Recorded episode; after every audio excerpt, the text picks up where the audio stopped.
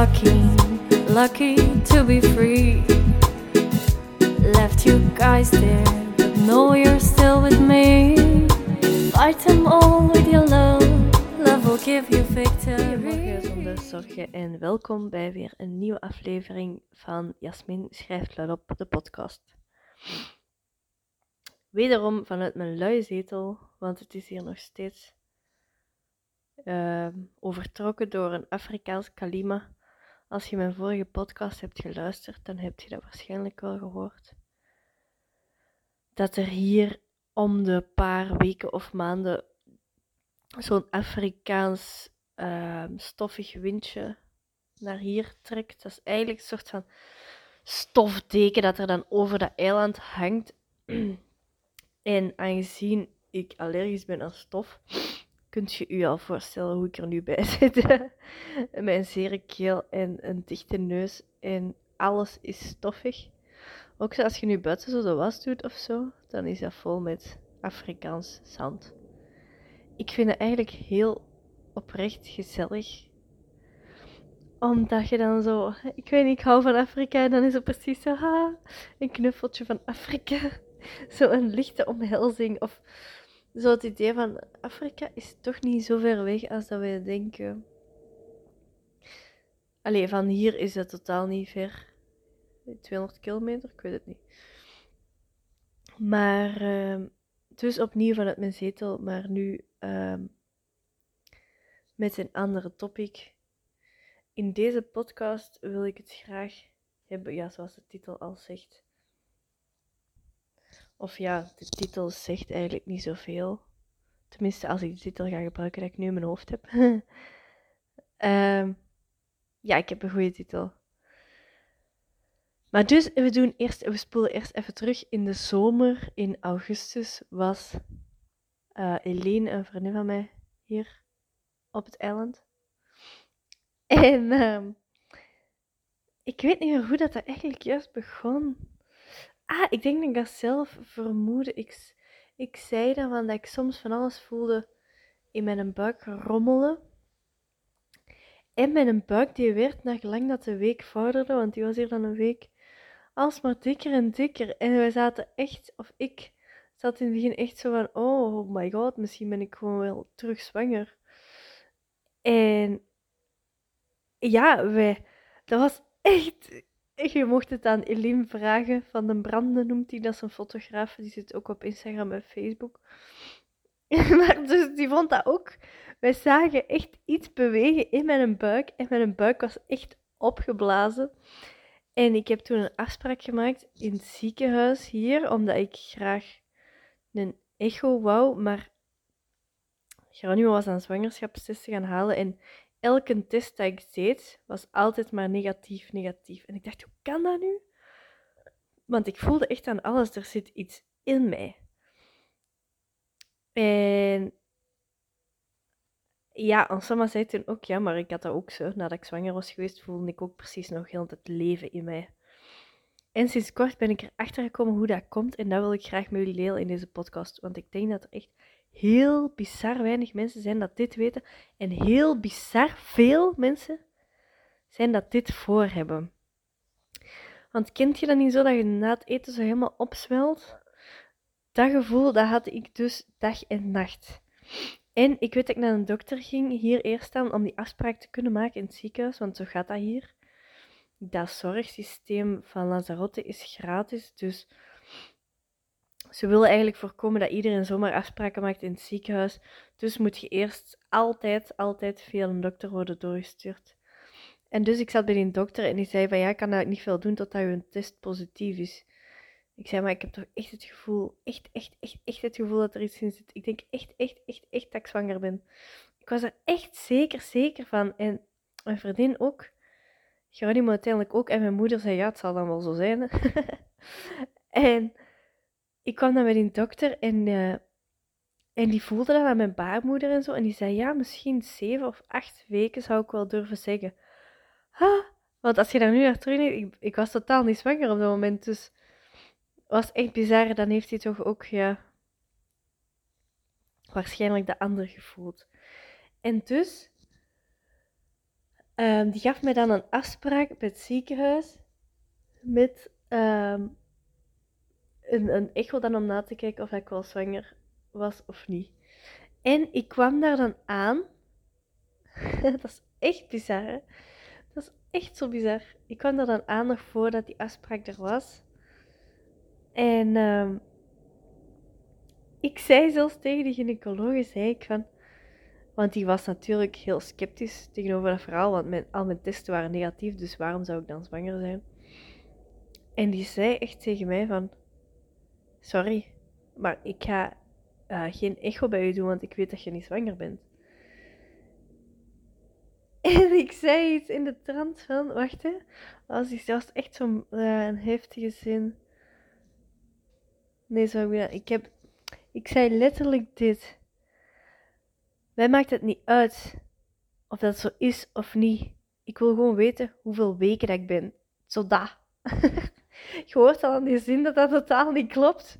Maar ik was er zo van overtuigd, want ik voelde dat bewegen. Wij zagen met een buik op strand gewoon heen en weer gaan. Dat we dachten, hé, hoe kan dit? En ik ben er eigenlijk nu soms nog niet goed van dat dat niet was. Want dat was zo duidelijk. En nu even fast forward tot nu. Wacht, nee, even dat verhaal nog afmaken bij die gynaecoloog. En die gynaecoloog die zegt dus, ga maar op die tafel liggen. Lily bovenop mij, want die kon toen nog echt geen seconde zonder mij daar staan. Dus die zat bovenop mijn buik. En zo moest die een echo dan gebeuren. en dan zei hij zo ineens... Um, uw baarmoeder is leeg. En er is zelfs nog geen... Uh, hoe noemt dat in het Nederlands? Geen beweging of geen follikel of geen uh, rijpe eicel. Of er is zelfs nog niks op gang gekomen omdat ik nog borstvoeding geef. Hè? Het houdt dat eigenlijk uw vruchtbaarheid af. Dus was ik zelfs nog niet vruchtbaar op dat moment. En ik was echt van mijn sokken geblazen. Ik zei, oh sorry. Het was zo'n mengeling van, oh my god, dit is gênant, maar tegelijkertijd ook van, Oef, nu weet ik het tenminste. En uh, ja, die was zo van, ja, ik wist het wel. maar die wou mij dan, dan toch maar dat plezier doen misschien. I don't know. En nu, fast forward tot nu. Want toen, ah ja, toen is uiteindelijk die, heb ik daar nog verder mee weggegaan en zei ze van, dat is een blaasont, uh, blaasontsteking. Een overwerkte blaas. Dus ik dronk veel. En ook het grappige is dat ik de hele tijd, toen die vakantie zei, vakantie, toen dat bezoek van haar, van Eline zei, je moet meer drinken, je drinkt veel te weinig. We zitten de hele dag in de zon, hè. Zou je niet nog meer drinken?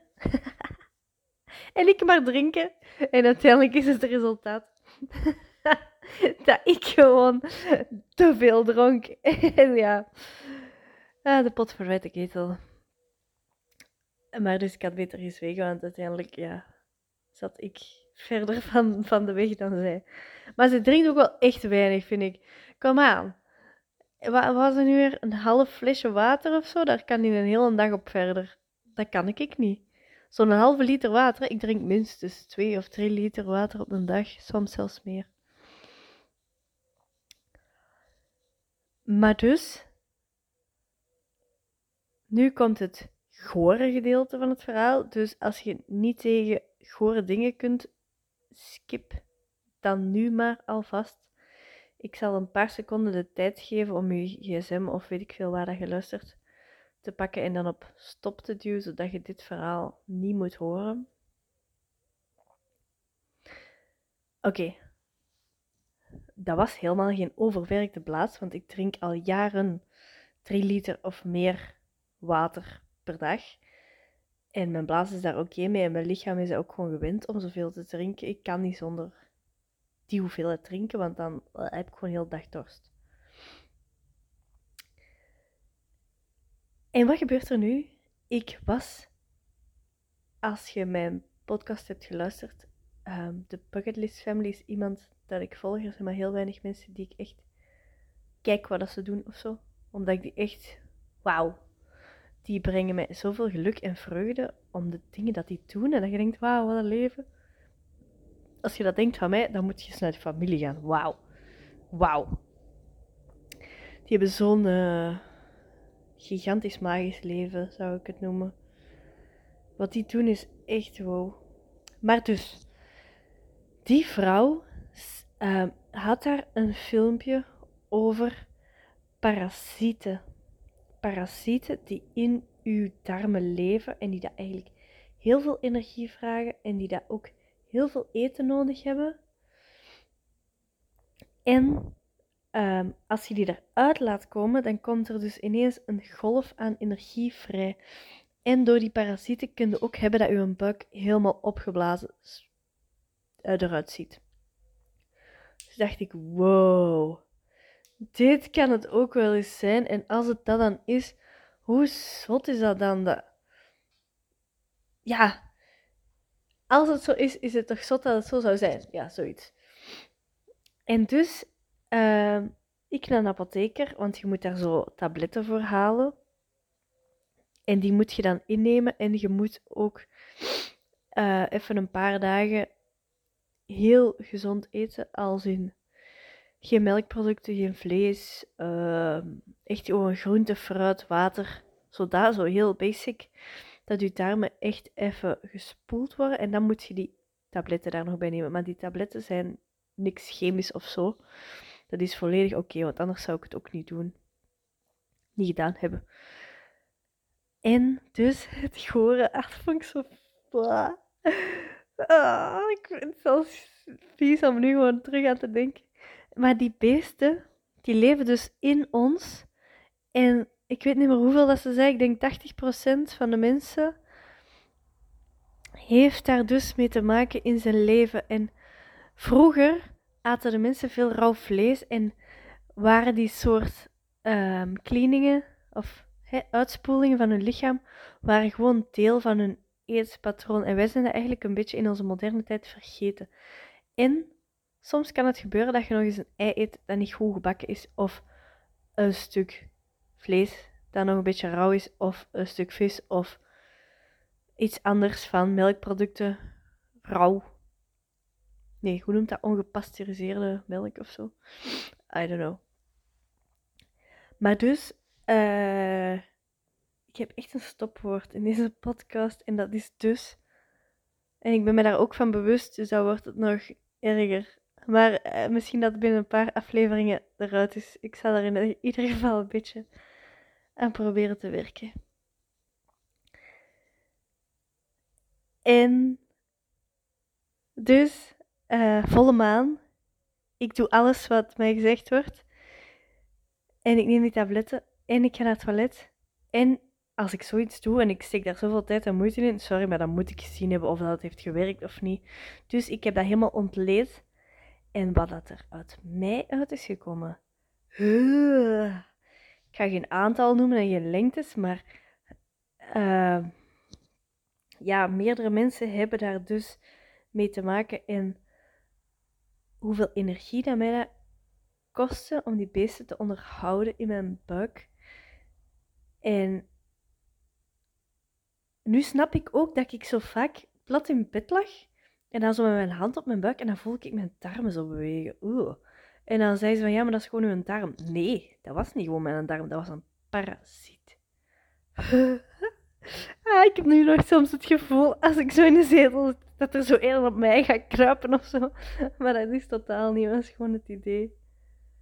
Maar dus moest je veel last hebben van een opgeblazen gevoel. Ga eens kijken met volle maan, want op, bij volle maan zijn die beesten het actiefst in hun buik. Geen zever. Alles staat in verbinding met elkaar en bij volle maan komen die er het snelste uit, omdat die dan het meeste bewegen. Oh. Dus het enige wat je moet doen is naar de apotheker gaan en zo tabletjes vragen voor parasieten. En dan drie of vier dagen alleen maar groente en fruit en water en dan komen die er vanzelf uit met langs je achteruit dus. En die zitten daarin gemengd. Of ja, soms komen die daar ook in zijn geheel zo uit. Vriendin van mij hier, oké, dit is niet voor gevoelige luisteraars, maar die had er dus, die zat op strand. En die voelde dus kriebel in haar neus. En die had dus een van die parasieten dat langs haar neus eruit kwam. Mamma mia. Oh. Ik, uh, ik kon dat echt niet geloven. En toen ben ik dat eens gaan intippen. Op Google of op YouTube. Hè, parasiet uit neus of zoiets. En dat kan dus echt. En zelfs eentje uit uw oog. Ach, man toch. Dat zijn echt vieze beesten en die leven in het lichaam. Dus moest je nu zoiets hebben van... Eeuw, ga naar de apotheker en wacht tot het volle maan is. De volgende volle maan is volgens mij op 25 januari. En dan uh, zal je wel zien wat er gebeurt. Het kan ook zijn dat je er geen hebt, maar iedereen dat ik tot nu toe heb gehoord dat dat heeft geprobeerd, heeft er. Want er is minstens wel één keer in je leven geweest dat je iets rauw hebt gegeten. Dus ja, ik weet niet. Ik weet ook niet dat dat elke keer is als je iets rauw eet, dat er dan, als dat vlees bedorven is of zo. Maar dus het is wel het proberen waard, vind ik. Zo had ik dat ook met nier- en galstenen die ik er eens uit wou halen. En dat is ook zo met een voedingskuur met groente en fruit en water. Ik denk zeven of acht dagen, maar dat is te lang als je borstvoeding geeft. Dus ik zou eerst moeten stoppen met borstvoeding geven en daarna zou ik die nier- en galstenen er ook kunnen uithalen. Dus dat staat nog heel hoog op mijn to-do-lijstje. Want nier- en galstenen, dat krijg je eigenlijk door alcohol, roken en vettig eten. En dat heb ik alle drie vroeger gedaan. Dus sowieso dat ik wel ergens een paar stenen of wat gruis, zo noemt dat dan, heb zitten. En dat moet zo, ik vind dat zo bevredigend als dat dan uit je lichaam komt. Dat is net hetzelfde als dat je zo'n mega pukkel op je gezicht hebt en dat komt er zo allemaal uit. Ha. dat is precies zo van, fris gewassen of zo. Oké, dit is de meest gore podcast dat ik tot nu toe heb opgenomen, maar liever echt en oprecht dan fake en slecht. Dat is mijn motto. Alsjeblieft. En dankjewel voor het luisteren. En ik zou het heel leuk vinden als je mijn podcast sterren wilt geven, want dan kom ik hoger in ranking en kunnen er nog meer mensen te weten komen dat ze de parasieten uit hun lichaam kunnen halen en zo dus eigenlijk gezonder kunnen gaan leven. Met meer energie. Meer energie, dat, wil, dat wilt je echt, want het ding dat je niet voel, goed voelt op sommige momenten is gewoon omdat je even een dipje in energie hebt. Dus die parasieten moeten eruit. Dankjewel voor het luisteren en tot een volgende keer.